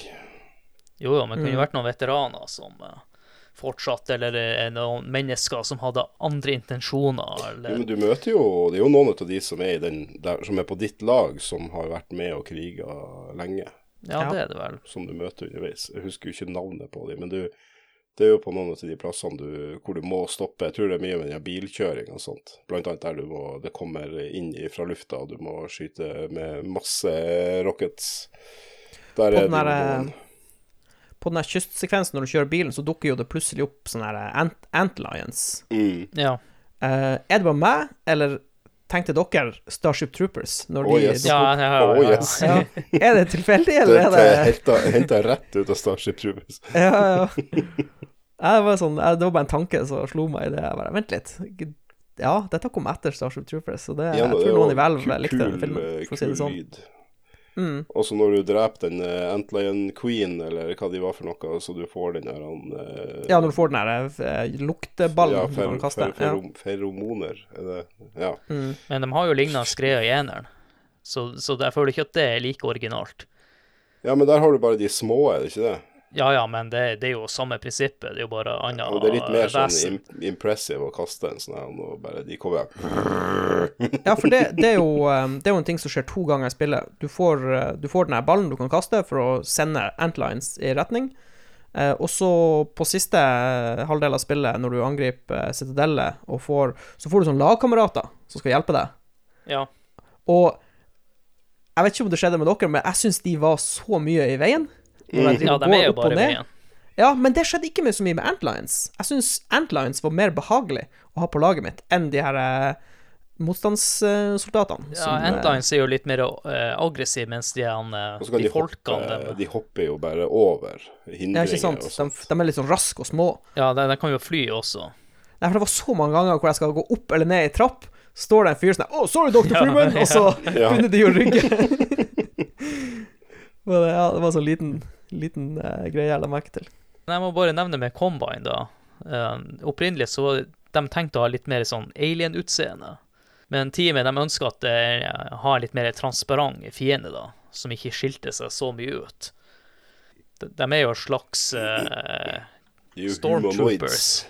Ja, de er litt sånn De har jo en sånn maske og hjelm på seg, så du ser jo nesten ikke hvordan de ser ut. eh, Men eh, det er kanskje det meninga, at de skal være litt sånn an- ansiktsløs. Litt sånn anonym. Det er jo det de ønsker. Og så var det Ja. jo også tiltenkt at det skulle være flere sendmonster i spillet. Sånn som Barnacle, det som henger fra taket, og uh, Bullsquid, som lager de uh, ladelydene. Mm. Fun fact, uh, hvis en barnacle Barnacle er Nei, Barnacle var med. Bullsquid var ikke med. Og den der han uh, Ja. Og den der han uh, Ikke Bullsquid, men andre. Den han uh, som lager rare lyder. Jeg er så dårlig på de navnene der. Men jeg har en fun fact. Nei, Handai. Handai var det. Ja, ok. Squid. Fun fact om barnacles i Half-Life 2. Hvis de spiser en sånn her en svart headcrab, så dør de av gifta. Å, ja. Mhm. Det Ja, det kan skje. Jeg syns de kanskje burde hatt med noen av de flere monstrene. Jeg syns det er litt tynnere fiendeutvalg i det her spillet enn i eneren. Men de, jeg har lyst til å si at um, eh, selve det visuelle designet på Combine, altså på uniformen og rustninga til soldatene, og de flyene og de stridene, det, er, det ser veldig bra ut, til og med Ja i dag, syns jeg. Altså, de har lykkes med det designet. Ja, og utse utseendemessig på alt det er jo imponerende at de fikk det der til i 2004, og som Harald sa, med gemikkene i ansikt og sånne ting, det er jo mye bedre enn det mange spiller i dag. Mm. Det de også klarte, Valve, med Half-Life 2, det er å skape en egen sånn eh, Et eget design da på menneskene. Det er sånn Ikke cartoonish, men hvis du skjønner. Det er ikke, de prøver ikke å være helt realistiske heller. Mm. Nei, Ja, det er ikke fotorealistisk. Ja, de har, eh, de har un, de, de, de prøver Altså, de har med vilje holdt seg unna å være fotorealistisk, sånn at du ikke kommer i den der Uncanny Valley. Mm. Det lager det litt mer sånn cartoony, og det, det Det har gjort at spillet har holdt seg veldig godt. Du spiller i dag, så ser det fortsatt ganske bra ut. Jeg vil si at Half-Life 2, der fant de eh, stilen sin. Half-Life 1 var kanskje litt mer å bare bruke det de allerede hadde fra Quake, og gjøre det beste ut av det. Mens her har de faktisk funnet sin egen stil på en bedre måte enn i eneren. Ja, og så har de jo fått De har fått mer tid på å utvikle Source Altså, de har fått lagd en egen en, skikk, en grafikkmotor som er deres, som er studioet sitt, og sikkert mer komfortabel med verktøyene de bruker for å, for å utvikle spillet. Det er litt artig, da. Du, du har um, Half-Life 2, da, som kom ut i 2004, og så har du òg uh, dette PlayStation Killzone, Ja. som Ja. også kom i 2004. Det, det, og der var det jo eh, Det var jo også sånne der, han, maskerte fiender. Stemmer. At de hadde røde øyne istedenfor de, de er blå, de Combine. Jo, de er blå. De har blå, Ja, ja, sånne lysende blå. Mens de Helghast, som de heter i Killzone, de, de hadde røde. Eh, og maskert. Men det er jo mennesker under dem, da. Men eh, det, Ja, men de er- det, var- de det var sånne år med, med, med, med Ja, nei, de er ikke så ulike hverandre. Så, så det var et sånt det sånn år storm, med stormtrooper-greie, på en måte. Absolutt. Men uh, når vi snakker om gimmick og sånn, så må vi jo endelig gå inn på voice-actinga i spillet her. Og de har jo fått eh, litt flere uh, voice-actere, men dessverre, med alle de menneskelige NPC-ene og det, er kun to voice-actere som spiller alle. Mm. Og det er jo kanskje det som er svakheten til spillet, at det er egentlig samme mann som prater med seg sjøl. Du hører det ganske tydelig. De har spinka og spart litt. Og de her to voice actorene mener også med i ena. Men de høres jo bedre ut. Han sier ikke 'Gordon'. Nei, nei, men de, de særegne NPC-ene er jo bra. De er jo mer skreddersydd, og, og Alex er jo Alle der har jo bra stemmeskuespill. Hvem som hadde stemmen til Alex? Nå må jeg få deg ut på glattisen. Er ikke det er en person vi, vi, kjennes, øh, vi kjenner til? Uh, vi, vi må bare få det med oss. Hun heter Merle Dandridge. Hun er Ja. fra Japan. Eller født i Japan. Mm. Jeg mener hun har, eh, jeg mener hun har noen andre stemmer òg, som fra andre spill. Som vi, Hun var med i The Last of Us. der har du det. Ja. Og Everybody's Gone to the Rapture. Så eh, ja, vært med i noe, noe spill. Og så vil jeg også få frem da at uh, i, i toa så snakker de ikke lenger i en tørketrommel. Når du går litt bort ifra den, så det er sånn bra avstandsdynamikk fra stemmene til uh, de når deg, da. Mm. Mm. Men det er jo en, en som ikke prater i spillet. Det er jo han Gordon. Hva dere synes om det? At han fortsatt er stum og Jeg syns det er bra at de ikke plutselig endrer på det. At han fikk eh, Fordi hvordan skal liksom Ikke endre på sånne ting. Det, det er ikke lurt. Nei, da øh, Svaret mitt på det, det blir 'excuse me, princess'. la, no, la en stille protagonist være stille. Ja. Men det, det funker jo ganske godt, for jeg føler jo sånn som Alex og sånn, at de prater til deg som, også som spiller, da. Ja. Jeg klarer å få Mm. det med.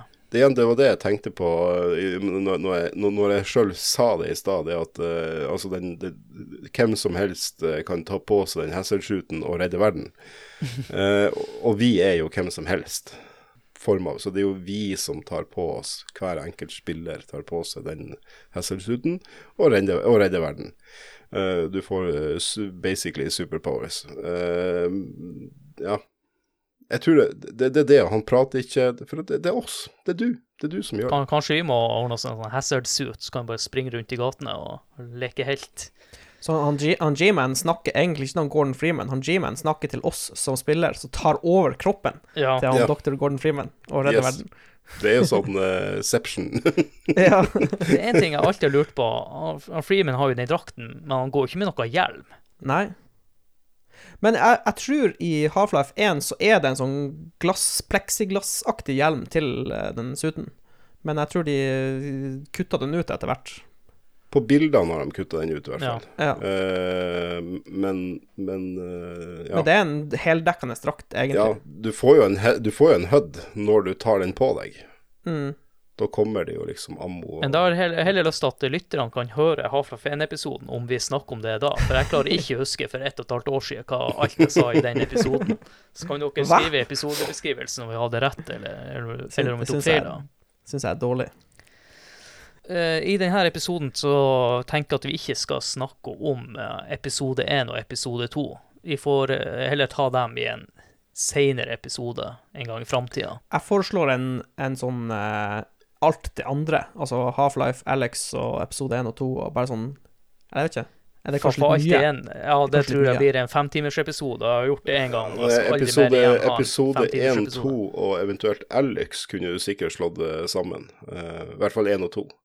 Har dere spilt Half-Life Alex? Nei. Ja, Ralf spilte Nei, ikke du nei, jeg har ikke For jeg har, jeg har fått meg eh, VR-headset, men jeg har ikke spilt Half-Life Alex, så jeg må hive meg rundt. Jeg mener de som har spilt det, har sagt det er jævla bra. Jeg har hørt veldig mye bra om det. Det er vel det alle sier, at uh, sånn bør VR-spill være. det er vel det jeg har fått med meg. Fasiten. Mm. Jeg, jeg tenker, før vi tar en sånn oppsummering, eh, er det noe vi ikke har nevnt som vi, dere har lyst til å snakke om i forhold til Half-Life 2, eller skal vi snakke om slutten i hele tatt, eller skal det være opp til lytterne? Det, det slutter jo like diffuse som det starter, Det gjør jo det. med, med G-Man. Ja. Det er jo samme som Ja, det, det første starter jo ikke med G-Man, men, eh, men ja. Jo, det starter jo med at han G-Man prater til deg før han hiver deg på toget.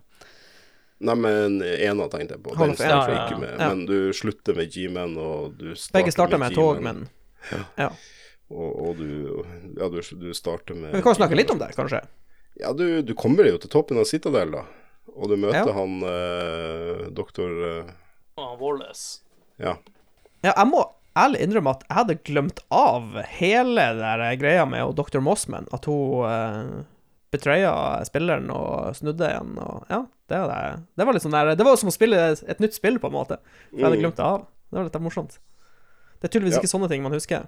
Det er jo derfor det er viktig å gjenbesøke spillene uh, før episodene. Nei, men For jeg, jeg er glad for at jeg spilte i det. at hun, uh, hun Mossman at hun jobba som undercover for Combine. Mm. Og så er hun sur fordi at uh, du fikk jobben hennes. Men sånn Hun ser jo ut som hun er at best 35 år. Men Ralf, den faktaen der er jo en sånn uh, fun fact som ikke kommer fram i spillet, mener jeg. Men hun har jo vært eh, Hun er jo Black Mesa. Alle de her er jo Jo, Black Mesa. hun, hun, hun nevner det i bisetning at uh, Ja. det var jeg som skulle vært der den dagen, eller noe sånt. Mm, ja, Når, uh, for det var egentlig hun som skulle trille vogna. ja. Hadde hun dytta den inn, så hadde det ikke ja, skjedd. så, ja. Men, uh, men sant, hun, hun er jo da Det her er 20 år senere, så hun var da 15 i ja. Hun var intern. mm.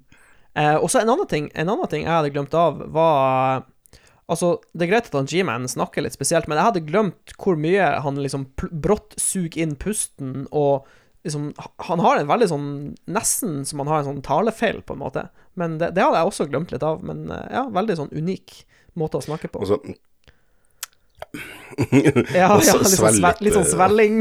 Mye svelling. Aggressiv svelling. Jeg er nå spent på om opptaket fikk med seg den lyden. Jeg, jeg tror den gjorde det. Du ser han ikke så mye i spillet her. Det er jo starten og slutten, og that's it. Ja, du ser han vel Jeg tror du kan se han i sånn kulissene et par ganger i løpet av spillet. I båtsekvensen og Ikke Kanskje en plass til. Ja. Da må jeg gjenbesøke spillet Jeg tror han står, han står på en sånn herre Jeg tror det er sånn samme som i ene, at han er rundt omkring. Ja, han er i omegn. Ja. Mm. Men eh, ja, hva, hva, hva dere tenker om slutten? Bortsett fra at den er litt brå. De legger jo opp til eh, noe mer, men det må vi enda vente på. Du, Ja. ja, men da, vi, vi fikk jo noe mer i episode én, da. Og i episode to. Det er jo episode to sin cliffhanger som er Som er virkelig eh, Ja. slem. Ja. Det er det var jo litt sånn under Akkurat der og da var det nok en litt sånn øh, OK, var det det? Det var liksom bare Du sprenger den der portalgreia, og så bare stopper tida, og så kommer G-Man og bare Klarer Ja. dere å huske om Half-Life 1 ble annonsert eh, kort tid etter Half-Life 2? Var det sånn at det var en selvfølge at episode 1 skulle komme ganske kjapt? Eller husker, klarer dere å huske det? Ja, det kan jeg For jeg husker ikke markedsføringa rundt det der. Jeg husker Nei, bare at de sa at eh, det. de skulle begynne De skulle prøve seg på eh, episodic content, fordi at Ja, det gikk sant? Da kunne de få ut mer eh, historie over kortere tid. Ja. Eh, Og så- Ja. Og ja. Og så feila de litt på Det det. tok jo men- helt det tok, Hvor mange år tok det til episode to kom? Den kom i 2007? 2008? Ja, det var med. Orange eh, Box. Ja. Tre år senere. Jeg tror vi får Half-Life 3 den dagen eh, han uh... Gabe er død. Nei, ikke Gabe er død. Enten har han solgt det, eller så skal han lansere noe nytt. Ja, nei, men jeg, jeg skjønner jo hvorfor det ikke kommer et Half-Life 3. Uh, det, det, også Half-Life 2 endra skytespill. Så tror jeg de har tenkt eh, at jeg, jeg tror ærlig talt de venta litt på VR og Half-Life Alex med å komme med lage et nytt skytespill, sånn at de kunne komme med noe nytt. Ja, for der hadde de noe nytt, og så lagde de det. Men, men eh, å lage et Half-Life 3, jeg tror ikke det er i deres. De har, de har det sikkert i tankene, men eh, Men de tjener jo så mye penger på Steam og alt annet. De er jo ikke avhengige av å tjene penger. jeg forstår at de på, på Hvorfor skal man på død og liv lage Half-Life 3? Mm. Hva blir det? Det er ikke noe must. Det er jo ikke det. Det, det, det funker egentlig greit sånn som det var. Eh, Men jeg har et spørsmål til som jeg er nødt til å stille. Ja. Er det her det beste FPS-spillet noensinne? Da var det det beste FPS-spillet noensinne. Ja, jeg må innrømme sånn innrømme i at ettertid eh, også. for, min, for min del så er Half-Life 2 det er et solid singleplayer skytespill, men det er ikke det beste noensinne. Det er det ikke. Ikke noe lenger, nei. Ikke nå lenger, nei. Men uh, i 2004 hadde det veldig, veldig Ja, høy score. Som sagt, det endra skytespill Ja. Ja. for, for alltid. Det er liksom uh, Ja. Vi, vi, må, vi må sette Altså, spillteknologien utvikler seg, og vi må, vi må sette pris på de her som kom før, på en måte. De som har bygd uh, solide byggeklosser for de andre. Det er det som er. Man, eh, man kan ikke Det blir som å samme når man, man, det, er samme når du, folk diskuterer hvem er den beste sjakkspilleren i, of all time. Du kan ikke Det går ikke an, fordi at de som kom før han Karlsen, spilte spill som han har lært av. Ja. Ja, det Så du kan ikke sammenligne. Spillet har utvikla seg, og datateknologi, alt det her har utvikla seg. Så, så du kan ikke sammenligne det. Men da det kom, så var det så til de grader det, det beste skytespillet som noensinne var laga. Men da tenker jeg at eh, vi bruker jo rate de her spillene. Så kanskje i framtida en gang så kan det hende at Half-Life 2 er det beste FPS-spillet, i hvert fall vi i spillene snakker om. Så da tenker vi bare kan gå rett over til å rate Half-Life 2. Ja.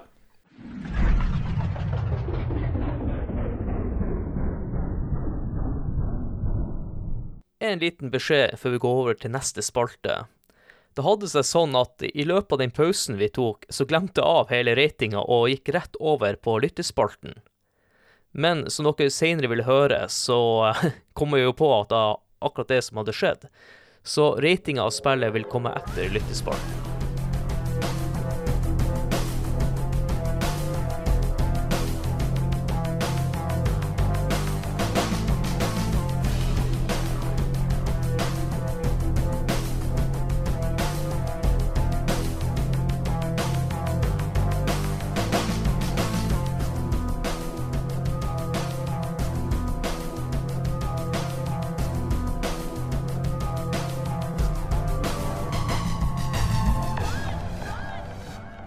Da starter vi. Fått inn eh, noen eh, bidrag, og det er jo ganske positivt. Jeg setter veldig stor pris på alle bidragene vi får til episodene våre. Og vi begynner med Ragnar eh, Veien Tundal. Mitt beste minne er helt klart Gravity Gun. Det føltes som en liten revolusjon i spillfysikk, og det har han helt rett i. Det var jo en stor revolusjon i spillfysikk, vil jeg si. Ja, det var der det starta. Og han eh, Fred Inge Stenersen Han sier at det her er det beste spillet fra det tiåret. Holdt seg bra- eh, den dag i dag, både grafisk og teknisk. Og jeg vil jo si meg enig med han. Om det er det beste spillet fra det tiåret Det tør jeg ikke uttale meg om akkurat nå, men uh, Det er Ja, det, grafisk. det, fra det tiåret, da snakker vi 2000 til 2009. Uh, Ja. Og det er det ikke.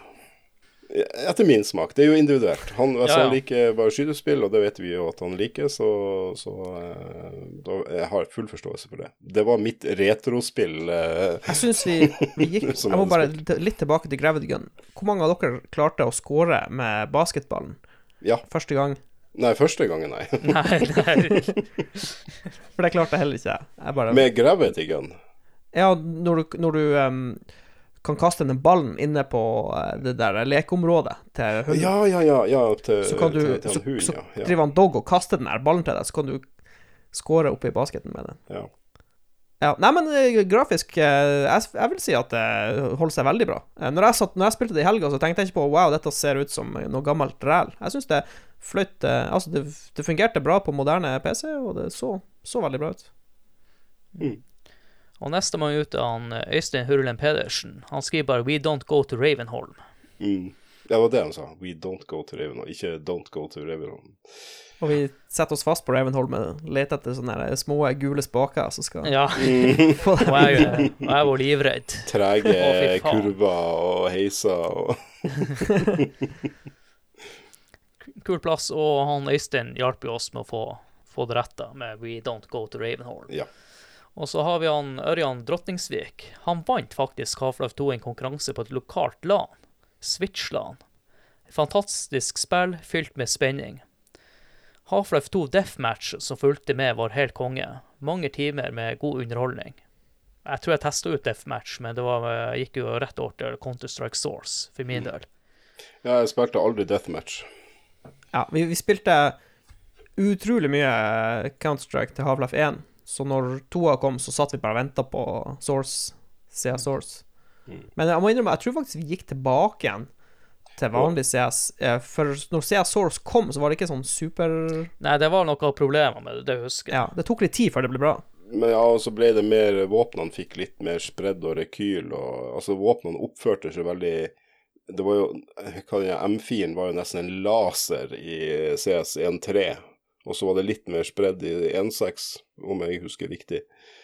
Og så var det litt Men- sånn kluss med hitboxene og Ja, Har rart flike å komme og eh, få oss på store Ja, diskusjoner. ja, ja. Nei, men eh, Counter-Strike skal jo bli en egen episode, så vi sparer den ja, oi. Ja.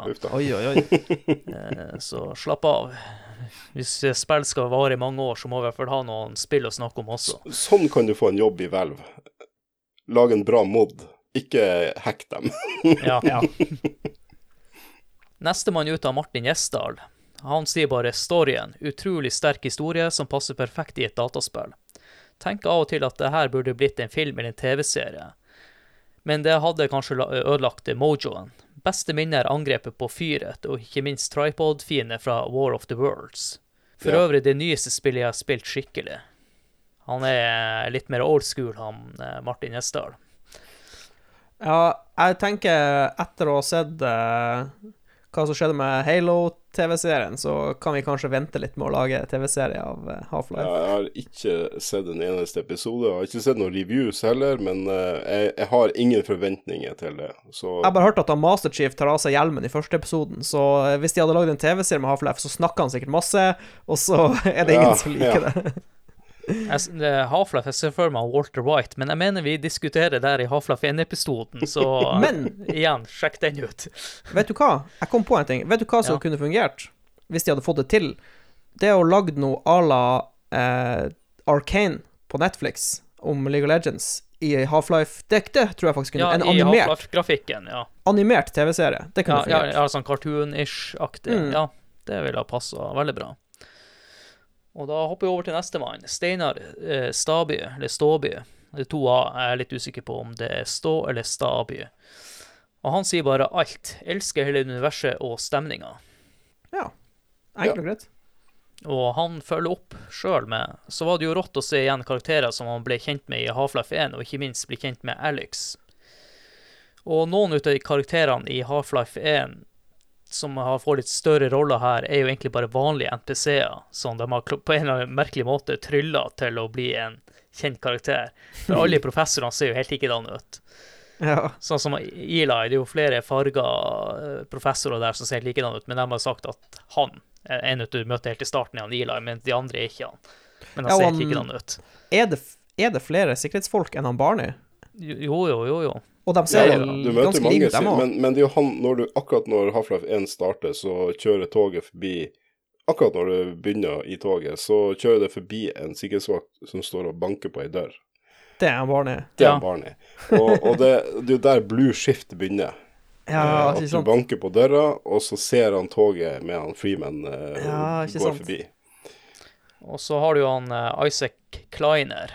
Han er jo også der med den tele teleporten. Ja, ser ut som en professor. Du husker han sikkert, Mats, når du Ja. Ja, så, De så går det- litt ett, de her forskerne. Men det er jo ikke rart, du møter igjen tusen ganger igjen, så det er jo vanskelig å si hvem ut av dem som ser likedan ut, er han. Ja, og det er Ja, ja. tre skin eller noe sånt på dem. Etter den grafikkoppdateringa. Og så hadde de ikke noe navn heller. Nei. Og så kommer Adrian Tanem her. Han har jo hevet på noe hardware, så jeg skal prøve å ikke drepe dem. Husker jeg bygde min første PC-rigg når dette her kom ut. Fikk eh, ta i bruk eh, eh, konfirmasjonspenger på forhånd. Var sjefen og alle sjefer med, eh, med mitt Point of View Navida GeForce eh, 6800 GT-kort i en stund fremover. Dæven. Og det var legit. Ja, Sier meg ingenting, men uh, ut ifra dere så høres det ut som det var veldig bra. Eh, Det, altså, alle konfirmasjonspengene til han Adrian gikk på PC. Ja, det hørtes, høres sånn ut. Ja, jeg tror mesteparten av mine Adrian konfirmasjonspenger gikk også Ja. på PC. Jeg angra som en hund i ettertid på at jeg brukte alle konfirmasjonspengene. Jeg gjorde akkurat det samme. Jeg kjøpte en Pentium 90 for alle, alle Ja, konfirmasjonspengene det, mine. det, var, det, det var så dyrt da, og, og det varte jo så kort tid. Det gikk 18 måneder, så var den helt utdatert. Helt ubrukelig. Ja. Ja, jeg fikk noe, jeg fikk noe PC i konfirmasjonsgave, så jeg fikk ikke det valget med å kjøpe eller ikke.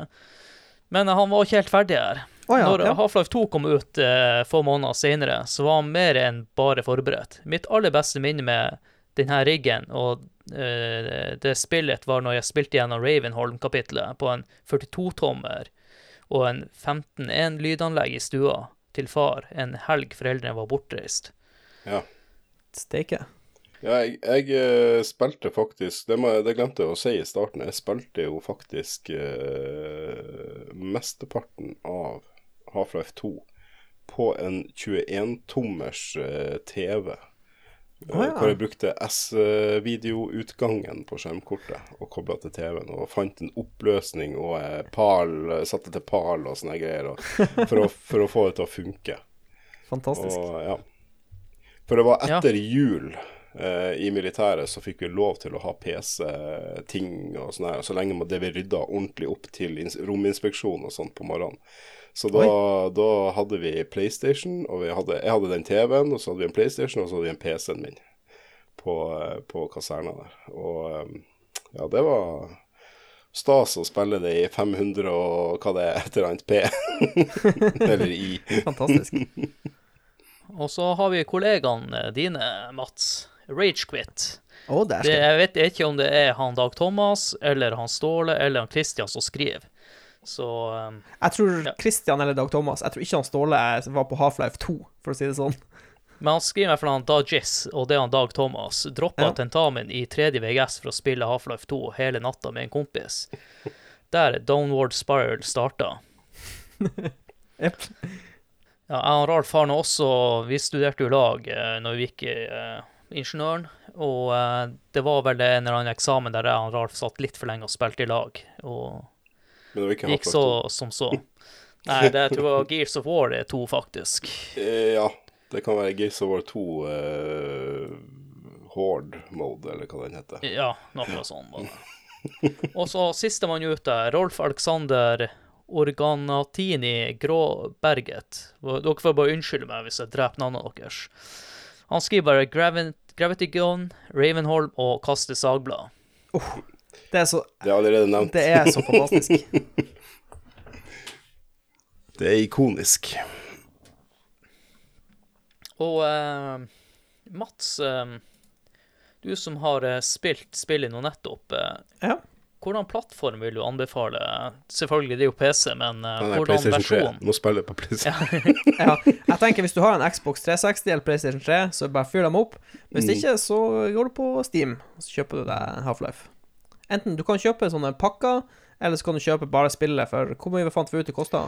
Bare spillet koster 72 kroner i dag på Det er ikke noe tilbud eller noen ting. Eller så får du Orange Box. Da får du Half-Life 2 med begge episodene. Og Portal og Team Fortress 2 til 145 kroner. Eventuelt kan du kjøpe alt Hvelv har laga. Eller ja, 22 spill. Jeg vet ikke hva det Hvelv Complete Pack heter han. 476 kroner. Så um, har du en PlayStation 5, så er du jo vant til å betale 800 kroner for spillet. Og dette er jo bargain. Ja, nesten halvparten for 22 spill. Men nå kommer jo med en breaking news. Jeg annonserte jo at vi skulle rate spillet. Oi. Kan dere huske at vi har rata spillet? Jeg tror jeg hoppa rett over til lytterspalten, så Ja. Vet jeg du tror bare du, du har helt rett. rate Vi, vi hoppa bukk over ratinga. Ja. Vi driter i ratinga. Nei, vi, skal, vi må rate Half-Life 2, og det skal vi gjøre nå.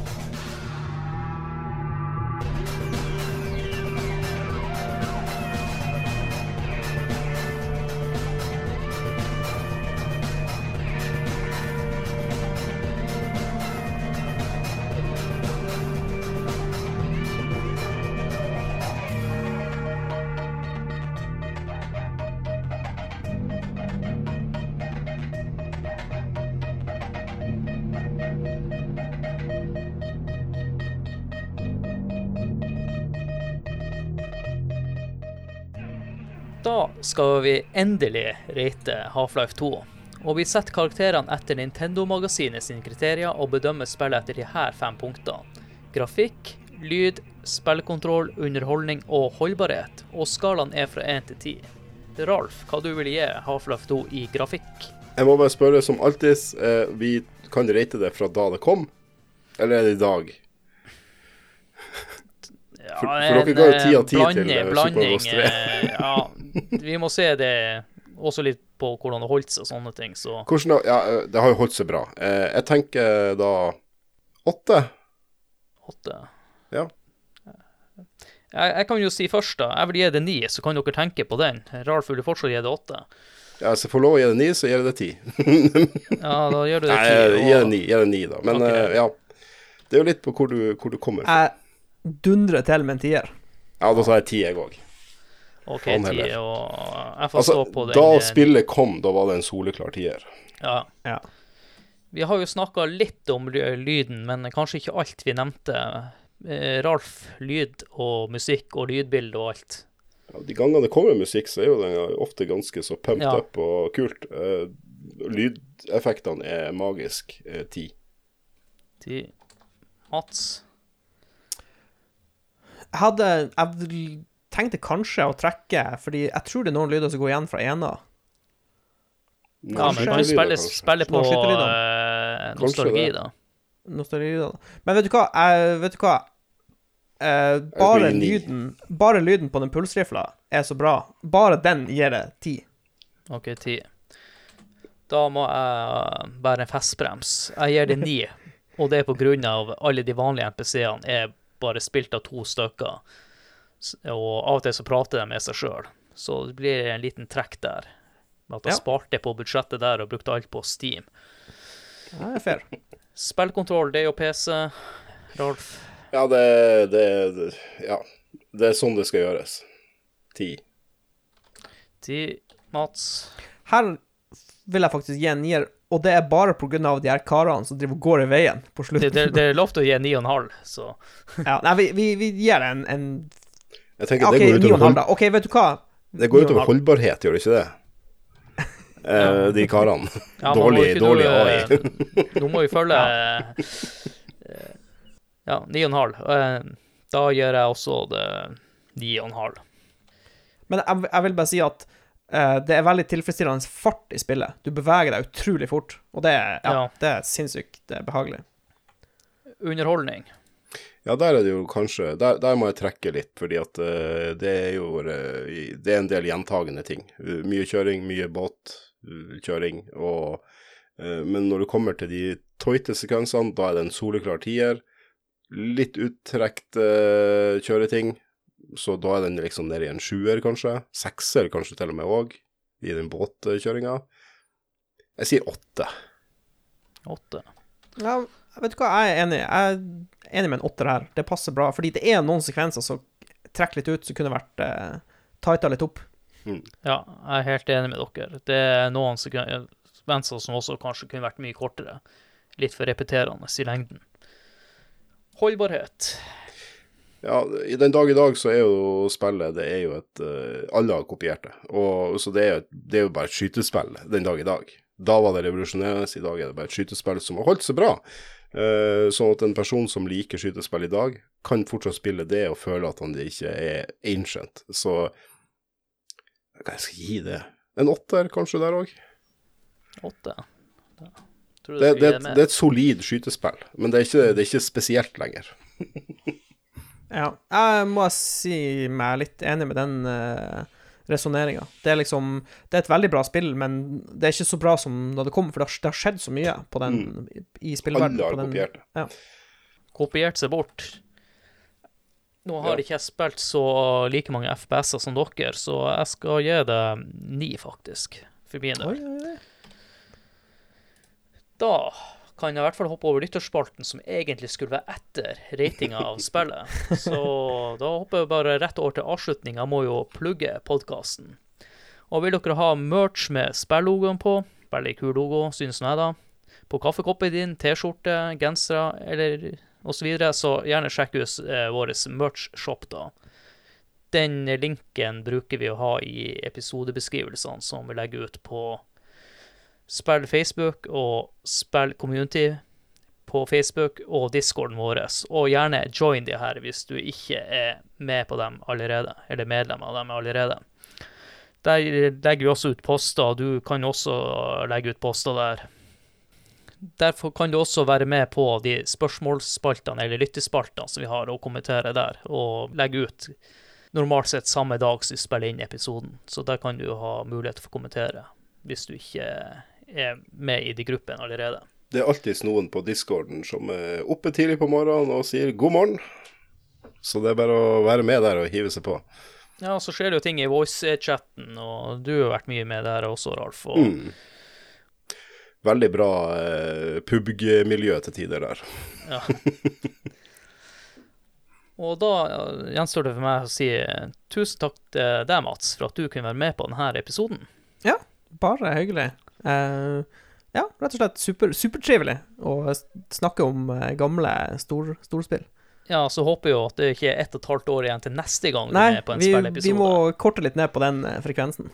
Og så må jeg også plugge at du er jo fra Lolebua, Ja, så gjerne sjekk ut uh, Lolebua.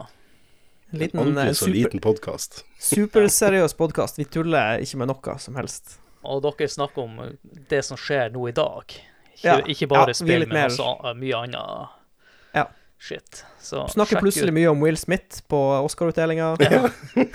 Og når dere hører denne episoden i neste uke, så er dere dødslei hele opplegget. Jeg kjenner allerede Ja. at jeg er veldig eh, lei det her opplegget. Yep. Og, og det er gammelt nytt. Og takk til deg, Ralf. Jo. Du var med på enda en episode. Sjøl takk. Det var hyggelig å være med igjen. Det er jo en stund siden sist, så Og så må jo si at du og en eks er dritt, og nå har blitt eks-sidelinja. Ja. For vi har jo ikke publisert at vi har slutta med sidelinja. Og den varte jo i akkurat 50 episoder og 50 og en tredel, tror jeg den siste var. Ja. Så vi klarte ikke målet om å klare 100 episoder. det var ikke 300 vi sa, eller Nei, jeg husker ikke. Var det 100? Ja, vi har holdt inn på nesten. Og så spøka vi underveis med at vi kommer ikke til å klare mer enn 50. Ja. Ja. Så dessverre, for dere som ikke har hørt på sidelinja, så har vi fjerna episodene, og det er for oss av grunn, for at det er mye der som ikke tåler dagens lys. Og da vil jeg bare si tusen takk for at uh, du hørte på denne episoden, og håper at du sjekker ut uh, flere Det Er det bare for meg å si ha det? Ha det! Ha det.